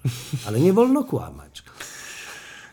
No, znów zaprzeczam sobie z tą bramką Hakana Szukura, prawda, która nie była na żywo. Tak, parę razy w życiu, a a to jest prawie 40, 40 lat, to coś takiego można zrobić. Ale nie można powiedzieć, że, że piłkarz gra wspaniale, jak nie gra wspaniale. Nie można oszukiwać. W telewizji. W telewizji to wszystko widać. W związku z tym raz mówić mniej. No ile razy ja sam siebie biłem po głowie. Po co ty mówisz, że piłka jest na lewą stronę grana? No, no przecież Wszyscy widzą, że na lewą stronę jest grana. No, trzeba znaleźć jakieś e, inne środki, ale to nie jest tak, że mm, siadam przed mikrofonem radiowym, jestem radiowcem, siadam przed telewizyjnym i jestem komentatorem telewizyjnym. Ja w ogóle oddzielam te słowa. W radiu jest sprawozdawczość, w telewizji jest komentarz. Tak to Rozumiem. moim zdaniem powinno wyglądać. Pewnie, że jestem i tym, i tym. Jednym się to podoba, inni tego nie mogą znieść, ale no nie zadowoli się wszystkich. Ale tak przeskoczyłbyś z marszu na zasadzie komentujesz właśnie mecz w radiu i za moment dosłownie przechodzisz do budki komentatorskiej i, i robisz to dla telewizji? Tak. Wydaje mi się, że w tej chwili. U, łatwo ci się. Wydaje przez... mi się, że tak. Zresztą zawsze y, najbardziej umieram ze śmiechu, jak w telewizji są jakieś usterki E, związane na przykład z tym, że ginie obraz na jakiś czas i wtedy jest to legendarne. A teraz, proszę Państwa, przechodzę na komentarz radiowy. Otóż na komentarz radiowy to przychodzi mógł Darek Szpakowski albo Włodek Szaranowicz, bo też taka sytuacja była. Zresztą Włodek to chyba z radia na komentarz telewizyjny przychodził i to w dodatku nikt mu o tym nie powiedział. No. E, co też jest e, nie fair zagraniem, ale nie ktoś, kto na przykład nigdy nie pracował w radiu i jemu się wydaje, że on wie, jak wygląda komentarz radiowy. To, to jest jedna z rzeczy, która wywołuje u mnie taką reakcję euforyczną, rzeczywiście. Powiem ci, że Jesteś jedną z nielicznych osób, która jest u mnie na wywiadzie, e, bo był chyba, no z Mateuszem Borkiem jeszcze miałem taką trochę sytuację, że mogę ci się przyznać, że się trochę stresowałem rozmową z tobą, ale powiem ci dlaczego. E, ponieważ z Mateuszem to był jeden z pierwszych takich wywiadów, który, który miałem, więc jakby no trochę jego postać tak, tak mnie przytłoczyła. Jakby gwiazda telewizji jeszcze wtedy w Polsacie pracował, e, więc bardzo chciałem z nim porozmawiać. Drugi był Artur Barciś z, z tego względu, że zwracał mi też uwagę na pewne jakieś e, może nie wady wymowy, ale błędy językowe i tak dalej. I tak y, rozmawiając z tobą, wiedziałem, że będę rozmawiał z osobą, która z tym językiem, e, dykcją i prowadzeniem takich audycji radiowych jest na co dzień, więc będę się czuł bardzo jakby przytłoczony może tym poniekąd. Ale nie jestem. Nie, no, jakby może nie widać tego tak po mnie, ale tak odczuwam, że, że, że, że to jest na pewno jakby trochę dla mnie większe wyzwanie, żeby też w miarę dostosować się, bo wiem, że te różnice po prostu zawsze mogą być odczuwalne dla widza. Nie to, żeby to był jakiś wielki problem, ale tak mówię wewnętrznie, to jest taki przyjemny oczywiście e, taki stres, tylko mówię, że jesteś jedną z nielicznych osób, które było i trochę zapytam ciebie właśnie o ten warsztat, bo ja na przykład czuję, oczywiście ja nie jestem dziennikarzem, więc e, jakby no nie mam prawie żadnego warsztatu, może przez 5 lat prowadzenia wywiadów troszeczkę się to u mnie poprawiło, mimo że może też czytam sporo książek, to czuję, że jednak mm, wiele mi brakuje. Dykcja, sposób e, prowadzenia rozmowy, no jakby stres też dochodzi. To akurat jest też kwestia... Wiesz co, to ja ci od razu No powiem, właśnie, bo ja lubię no. udzielać e, rad. Otwieraj szerzej usta, jak mówisz. A, Ty mówisz na przykład z zamkniętymi ustami. Jeżeli Państwo widzą, o, w ten właśnie sposób. Można mówić w ten sposób, ale można mówić również w ten sposób. I to jest kwestia artykulacji. Trzeba otwierać usta tak, jak wymawia się poszczególne głoski. I, i już jest, y, i od razu będzie poprawa. Bo, bo właśnie miałem ciebie zapytać o, o taki warsztat, o dykcję, o trenowanie, emisję głosu. Jak ty się teraz przygotowujesz, jak się przygotowywałeś i co, jakie wskazówki mógłbyś dać? To to już jedna wskazówka, będę teraz mówił dużo e, szerzej. Ja ty- słyszę zupełnie inny głos. No właśnie. Zupełnie inaczej cię słyszę. Yy, tak, to jest yy, rzecz. yy, Jak już cię mam tu na jeden. miejscu, to skorzystam. Yy, Dwa, yy, przez wiele lat albo jakiś wiersz, który znałem na pamięć, albo sobie coś czytałem, stawałem przed lustrem i głośno właśnie w ten sposób przesadnie i niemalże groteskowo rozdziawiając usta, starałem się złapać automatyzm. Powtarzam przez kilkanaście lat. E, To już w tej chwili nie jest potrzebne, bo jest pamięć mięśniowa i e, ten cały aparat artykulacyjny już wie, jak powiedzieć A, a jak O. Zupełnie inaczej. Natomiast e, wiem, że bardzo wiele osób e, mówi to tak samo i dlatego później trudno zrozumieć. To jest e, taka rzecz. Następne rzeczy. Ja mam taki tik, zresztą wielu ludzi z radia to ma i w tym programie także to widać, że mówiąc w pewnym momencie robię tak. Mhm. Faktycznie, no. Y, Włodek Szaranowicz to miał, Marek Rudziński to ma. To jest radiowe? To jest radiowe. Usta nie mogą być suche. I, I to jest y, coś takiego, co nie trzeba przestać mówić. Żeby to zrobić, to można mówić nawet w trakcie mówienia, wykorzystując pauzę, przecinek. Ja się tego już nie wyzbędę. To będzie zawsze, więc to jest to. Następna rzecz, y, że no, cały ten aparat, gardło, krtań, że to powinno być nawilżone. Ja już nie mówię o tym, że przeciąg największy wróg komentatora. Wiatr wróg komentatora. Goła głowa przy wietrze w zimie wróg komentatora. Zatoki, spływanie, wydzieliny do nosa. Klimatyzacja, absolutna groza.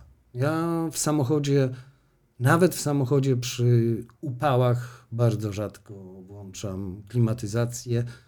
Nigdy nie śpię przy otwartej klimatyzacji. U mnie to wygląda inaczej, jeżeli jest rzeczywiście gorąco. W czasie, kiedy mnie nie ma, chłodzę. Jak jestem, to jest niemożliwe, żeby była. Yy, Kawa? Yy, Mnie nie przeszkadza. yy, Poza tym, mnie nie przeszkadzają papierosy w ilościach przemysłowych. Mhm. Zresztą kiedyś wszyscy palili. No tak. Wszyscy, lektorzy, ci, którzy pracowali głosem, palili wszyscy. Darkowi Szpakowskiemu też to nie przeszkadza. Choć oczywiście to jest kwestia indywidualna.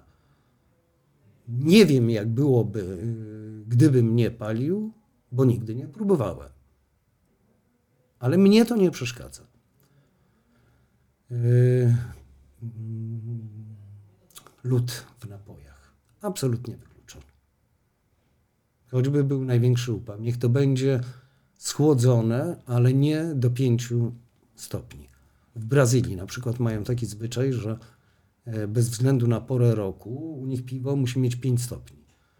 Więc jeżeli byliśmy na Mistrzostwach Świata i fajnie było w Rio de Janeiro, ale jak pojechaliśmy do Kurytyby, to tam były 3 stopnie w nocy, a to piwo nadal miało 5 stopni.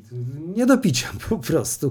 Więc y, ja nie piję napojów z lodem, w związku z czym wszystkie drinki odpadają. Whisky bez lodu. Tak, tak.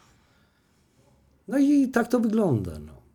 A poza tym, mm, jak to czasami niektórzy mawiają, e, dlaczego nic nie mówisz? Bo ja mówię tylko, kiedy mi płacą, albo inni mówią, bo nie lubię kłapać dziobem po próżnicy, albo możemy dodać łacińską maksymę, że e, co prawda, że milczenie jest złotem. Mowa srebrem, a milczenie złotem. Jak nie masz potrzeby, no to po co obciążać głos?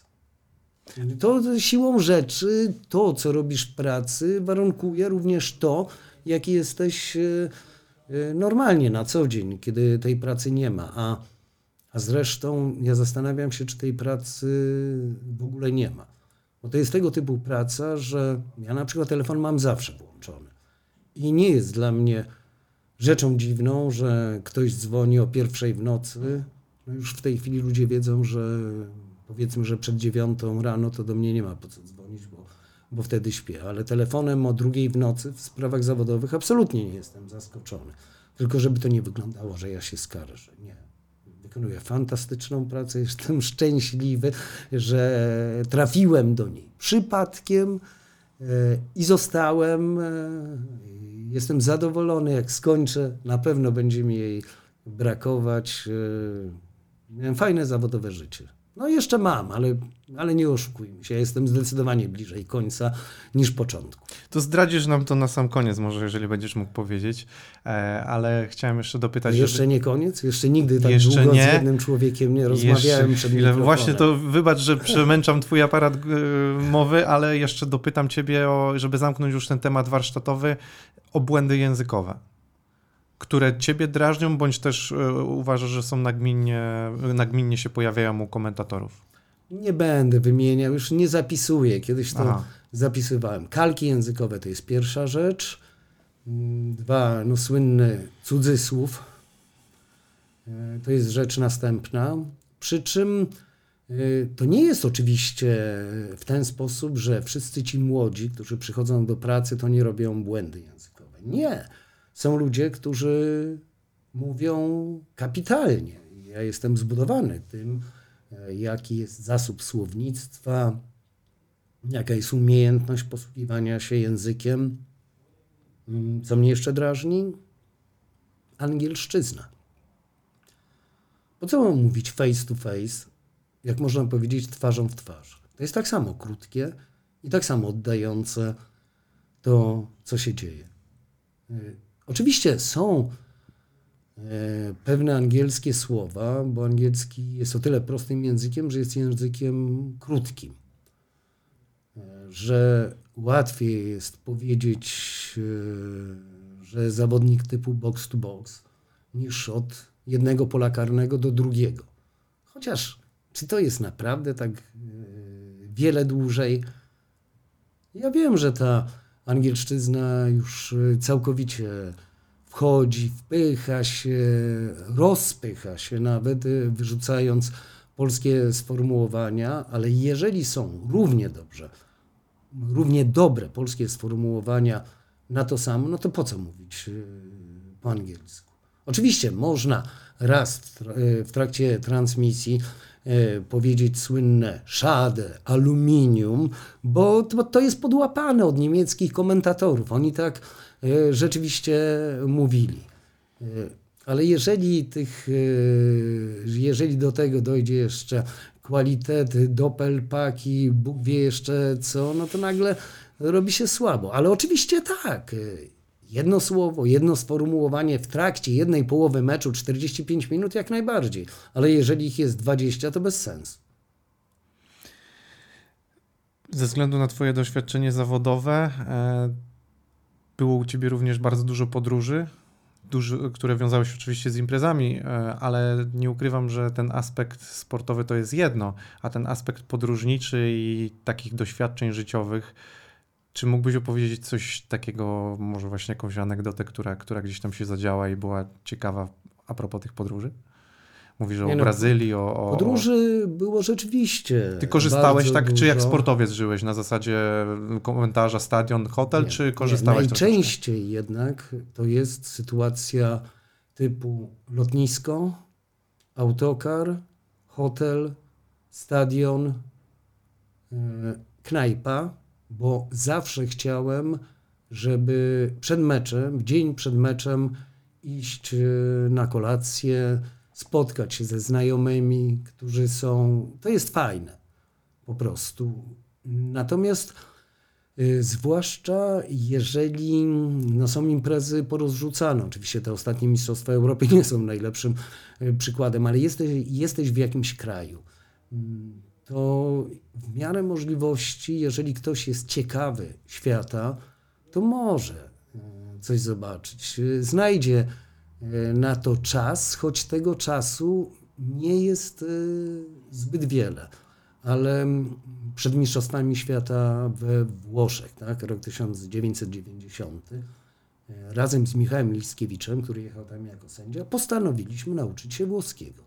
Więc pół roku przed Mistrzostwami braliśmy indywidualne lekcje. Oczywiście języka się nie nauczyliśmy, natomiast jak pojechałem do Italii, to w sprawach najprostszych, takich komunikacyjnych, byłem w stanie dogadać się po włosku, a przypomnijmy, rok 90 to znajomość angielskiego była na zupełnie innym etapie w Europie niż teraz. I no tak, no jak jesteś pod Laskalą, to co nie wejdziesz, no wszystko zrobisz, e, żeby wejść. Jak jesteś w Madrycie, to nie pójdziesz do Prado. Jak jesteś e, w e, Paryżu, to wygospodarujesz te dwie godziny, żeby wpaść do Louvru, przynajmniej żeby zobaczyć tą bez głowy, tą bez ręki, tą, która jest za szybą.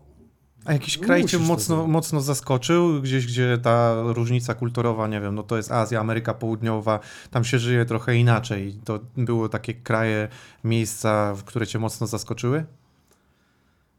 Czy mocno, to, to nie, no bo ja jednak y, jadąc gdziekolwiek staram się y, wiedzieć, gdzie jadę. Ale jest taka sytuacja w Kazachstanie. Mm, Jesteśmy tam z Michałem Kołodziejczykiem i tak chodzimy po tych marmurach pod naszymi nogami w Astanie. Patrzymy na te pomniki, które wielkie jak rakieta, czysto, pięknie, taksówki jeżdżą, bogate samochody. No w końcu mówimy, a gdzie jest prawdziwa Astana? Ta dawna, tak jak było kiedyś. Jeden nie wie, drugi nie wie. No po rosyjsku trochę mówię, w związku z czym można było się dogadać. W końcu taksówkarz nas wywiózł. My używaliśmy, co prawda, określenia stare miasto dla lepszego zrozumienia, ale chcieliśmy, żeby, żeby zobaczyć, jak naprawdę żyją ludzie. Nie w galeriach handlowych, nie na tych ulicach, nie w taksówkach. No więc tak jedziemy. Wywiózł nas. Aha, i jeszcze powiedzieliśmy, że chcemy, żeby jakaś knajpa była, bo chcemy się napić piwa, coś zjeść, ale miejscowego, a nie e, koniecznie Dla turystów. yy, prawda, włoski makaron czy japońskie ryby na surowo. No i on nas zawiózł i to było takie miejsce, być może Państwo znają, przedmieścia wielkiego miasta. Może nawet nie teraz, kiedyś jeszcze, 20 lat temu. A więc jakieś warsztaty, jakieś magazyny, no i mm, taki szynk dla miejscowych, buda z desek, papą kryta. Tam dostaliśmy do jedzenia koninę, no bo to jest y, narodowa potrawa w Kazachstanie, miejscowe piwo, a nie światowe, tak jak e, było wcześniej. No i ten taksówkarz przyjechał, on mówił, że to jakiś jego znajomi są, od razu powiedział, e, że my tu jesteśmy gośćmi specjalnymi, że nic złego nam się nie stało. Powiedział, że przyjedzie e, za dwie godziny. Przyjechał za dwie godziny, siedzieliśmy tam w otoczeniu miejscowych, stanowiliśmy no, pewnego rodzaju dysonans, no może kontrapunkt do tego, yy, co było. No to takie dziwne przeżycie. Yy, Wydaje się, że nam nie o to chodziło, ale okazuje się, że tam starówki w naszym pojęciu starówki nie ma po prostu i tyle. Rozumiem. Nie no, to, to, to, to świetne. No to jeszcze ta, ta Brazylia, o której ci mówiłem, bo mieliśmy naszą bazę w São Paulo, więc jeździliśmy albo na górę do Rio de Janeiro, albo na dół. No i w tym z, z, Rio było 32 stopnie w tym czasie, bo pamiętajmy, że nasze lato to na tamtym kontynencie Tak, wręcz odwrotnie. Mm. No ale im bardziej e, na koniec e, kontynentu, tym zimniej, więc przyjechaliśmy sobie e, do tej Kurytyby. Każdy jakąś kurtkę miał i mhm, idziemy spać, tak? Na zewnątrz są dwa stopnie. W pokoju 18, a może mniej, dlatego że oni mają zwyczaj, klimatyzacja jest na full. I ta klimatyzacja działa i tam nie ma odrobiny ciepłego powietrza, jest tylko i wyłącznie zimne. Wyłączyć nie ma możliwości, bo jest y, y, centralnie. Zakryć też nie ma możliwości, bo jest stale otwarta. Skończyło się tym, że spaliśmy we wszystkich ubraniach, jakie mieliśmy i y, jeszcze, jeszcze te takie kapy, którymi się łóżka przykrywa, także na siebie narzuciliśmy. No takie, takie niby drobiazgi, ale nie ukrywam, że nigdy bym tyle świata nie zobaczył, z tyloma ludźmi nie rozmawiał, tylu doświadczeń nie przeżył, bo, bo człowiek naprawdę jest tym, co widział, kogo poznał, z kim rozmawiał. A nie to, jakie piastuje stanowisko, zawód albo gdzie się uczył. Nie, nie. To jest właśnie pełna istota. To akurat świetne podsumowanie. Jeszcze dopytam tak króciutko o to, jaką dyscyplinę najłatwiej się komentuje.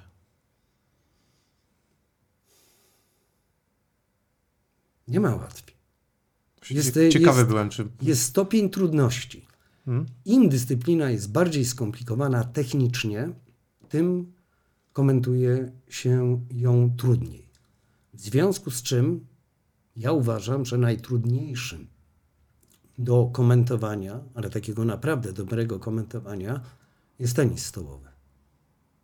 Nie ma trudniejszej dyscypliny dla człowieka, który nie uprawiał zawodowo tenisa stołowego.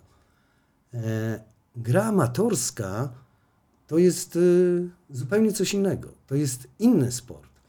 W piłce nożnej, jeżeli ja grałem pasówką, to Messi też gra pasówką. Jeżeli Dejna kręcił rogala, to ja też kręciłem rogala. Jeżeli Terlecki grał fałszem, to ja też grałem fałszem. W tenisie stołowym jest zupełnie inaczej. To są niezliczone ilości rotacji, które dla przeciętnego człowieka są absolutnie niewidoczne. Ym, I dlatego potrzebny jest e, ktoś, kto, kto uprawia tę dyscyplinę sportu, bo tylko on e, może to powiedzieć. A siedzenie i, opowie- i opowiadanie, e, serwis, odbiór, no to nie ma sensu. No, to każdy widzi. Tam jest Ja- też szybka, szybka gra, nie? Bardzo szybka gra. No, dla przykładu posłużę się mm, taką sytuacją, którą kiedyś miałem z Tomkiem Krzeszewskim, którego wielokrotny reprezentant, polski olimpijczyk, teraz trener.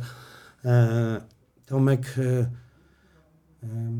robił ze mną właśnie tenis stołowy i w pewnym momencie mi mówi, a teraz top spin z dolną rotacją. Ja się tak patrzę na niego, y, mówię, ty, no jaki top spin z dolną rotacją? Mówi, no bo to właśnie jest oszustwo. Robisz ruch jak do top spina, Więc przeciwnik oczekuje zagrania z taką właśnie rotacją i w ostatnim momencie, w zetknięciu z piłką, z rakietką, przesuwasz rakietkę o 2-3 cm i piłka stykając się z nią, przy tym ruchu dostaje dolnej rotacji. A ten człowiek, który jest po drugiej stronie stołu, ma ułamek sekundy, bo on już jest przygotowany do grania właśnie w ten sposób, do odpowiedzi, a on musi zmienić. Tenis stołowy jest grą oszustwa. Trzeba sprawić, żeby. E, bo ludzie są na takim poziomie, że jeżeli e, gramy takimi otwartymi, jasnymi e, sprawami, to, to mecze by trwały nie wiadomo jak długo. Tu trzeba przechytrzyć. Tu trzeba sprawić, żeby on myślał, że ja zagram w ten sposób, a ja przy tym ruchu gram zupełnie inaczej. A Krzeszewski akurat był mistrzem w tym, bo, bo na przykład, nie wiem, słynny Szwed chyba Mikael Appelgren e, to mówił na przykład o jakimś zawodniku, mówi ty, słuchaj, to wasz Krzesza to ma e, więcej rotacji w serwisie niż nasz Erik Lind w topspinie. Oni tak to docenił. To był najwyższy wyraz uznania. Tak, tenis stołowy jest najtrudniejszy do komentowania merytorycznego. Tym bardziej, że no, mówmy się, przy tego typu grze, zwłaszcza jak jesteś na sali, to nie możesz się drzeć i krzyczeć bez przerwy, żeby A najprzyjemniej komentuje się tobie?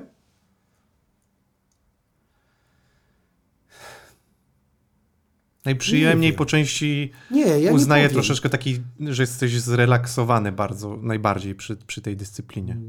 Nigdy nie jestem zrelaksowany do końca, bo jeżeli ktoś przychodzi i siada z myślą, wszystkie rozumy pozjadałem i, i w zasadzie wiem wszystko i dam sobie doskonale radę, to najwyższy czas, żeby skończył, a z, z drugiej strony może, żeby nie rozpoczynał. Natomiast najprzyjemniejsze są, są dwie takie sprawy. Te momenty, jeżeli coś jesteś w stanie przewidzieć. To znaczy, Mówisz na przykład, że miałem takie sytuacje i tym się będę chwalił. Jest mecz Armenia-Polska w Rywaniu i e, Robert Lewandowski podchodzi do Wolnego.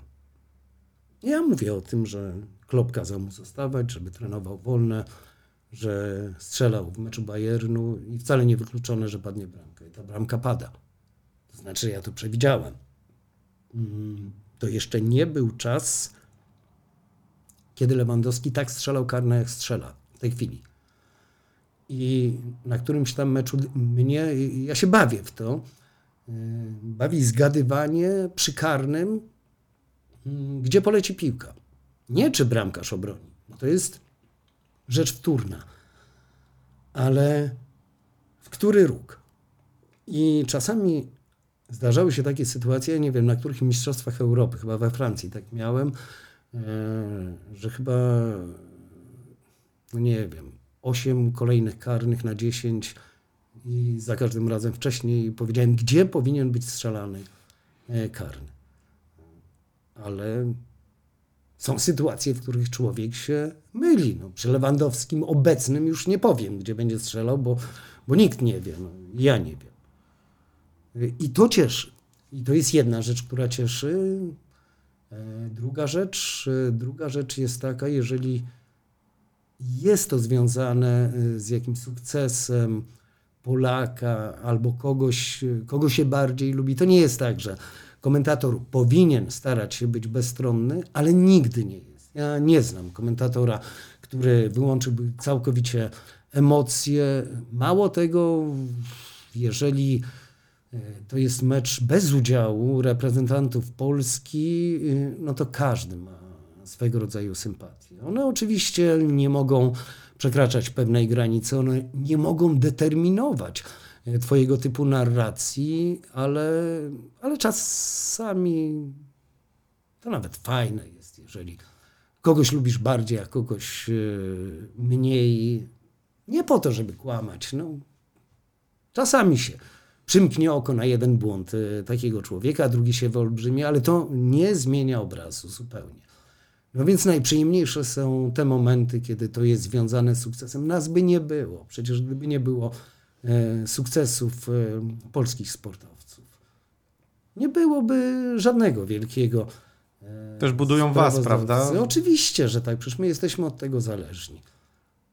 Jeżeli ktoś był przy wielkim sukcesie, jeżeli mm, miał okazję e, to skomentować, to nagle się okazuje, że mniej ważne jest to, co on wtedy powiedział, a ważniejsza jest ta amplituda emocji i, i to, że to on właśnie był yy, przekaźnikiem, bo przy, przypominam, przekaźnikiem jest się tylko i wyłącznie tego. I dlaczego funkcjonuje legenda Jana Ciszewskiego? Tu mówię legenda, tak, bo to była legenda. No bo był przy sukcesach reprezentacji Polski i mniej zwraca się uwagę na jego warsztat, a nie był to warsztat najlepszy, a bardziej zwraca się uwagę na eksplozywność narracji, na to i co ja Państwu w tej chwili powiem, na to moneta rzucona Polska, górnik biało-czerwoni, to jest ważne, bo to były zwycięstwa, to były sukcesy, to były medale. A możesz zrobić 150 meczów reprezentacji Polski, która e, przegrywa w pierwszej rundzie i, i co? I nic. Mm, koniec, nie ukrywam, koniec, że koniec. nie ukrywam, że, że to wciągające, co opowiadałeś. E, próbuję sobie cały czas to obrazować wszystko. E, czuję się trochę jak, jak w radiu, jak, jak opowiadasz, więc cały czas sobie to obrazuję. E, powiem tak, no wielka przyjemność była porozmawiać z tobą. Naprawdę jestem ogromnie zadowolony, że udało nam się spotkać i porozmawiać. Dla mnie też, bo mm, to Półtorej godziny. Mecz piłkarski. Tak, 90 minut. Myślę, że to jest dobry, dobry czas na, na zakończenie. Lekka dogryweczka, kończymy. E, ja będę prosił o podpis. Ja się w tym czasie pożegnam z widzami. Którąś łatkę sobie można wybrać i się wpasować. Słuchajcie, ja bardzo chciałem Wam podziękować za oglądanie. Mam nadzieję, że Wam się podobało. Starałem się zadać jak najwięcej pytań, wykorzystać ten czas. E, jeżeli wy macie jeszcze jakieś ciekawe pytania, to może kiedyś uda nam się nagrać jeszcze jeden odcinek dogrywkę, ale no myślę, że to było wyczerpujące i, i naprawdę dowiedzieliście się czegoś ciekawego i warsztatowo od strony technicznej, e, ale też było kilka fajnych, ciekawych anegdot, także jeszcze raz Wam bardzo dziękuję. Oczywiście zachęcam do subskrypcji kanału, łapki w górę, co tam trzeba robić, żeby to się dobrze oglądało. E, inne wywiady oczywiście. E, no i tutaj na pewno, żeby słuchać audycji, w których Andrzeja można e, usłyszeć głos. Pewnie, pewnie, zachęcam. Zachęcamy. Chyba, że ty masz jeszcze coś, coś dla widzów konkretnego, no bo z tego co wiem, to teraz już niestety na Polsacie w KSW z Jurasem was nie usłyszymy. Błąd w jednym zdaniu. Y, bo na KSW nie, w Polsacie. W Polsacie tak. tak. No przepraszam, może faktycznie, ale z tym KSW, bo ostatnio mi się to rzuciło, że, że, że faktycznie. Ja boleję, od razu mówię. Y, to była fenomenalna przygoda y, dla mnie, bo, bo i praca z Łukaszem w pewnym czasie, przecież on był zawodnikiem wielu, ale ja nie robiłem z nim Zupełnie nowa dyscyplina, której trzeba się uczyć, czyli nowy impuls do wszystkiego. Kapitalna rzecz, no taki świat. Y, no. Inna stacja. Jaka jest życzę wszystkiego dobrego, a tym, którzy biorą te mikrofony po nas, y, wszystkiego najlepszego, nie uważamy się, broń Boża, za jakichś mistrzów nie do, do ścignięcia. Zresztą, tak nawiasem mówiąc, nie ma ludzi niezastąpionych, nie ma głosów niezastąpionych. Każdy jest do zastąpienia, więc ci, którzy teraz będą robić e, KSW, niech mają z tego taką frajdę, jak mieliśmy my. Bardzo dziękuję. Dziękuję. Bardzo dziękuję. Trzymajcie się. Do zobaczenia.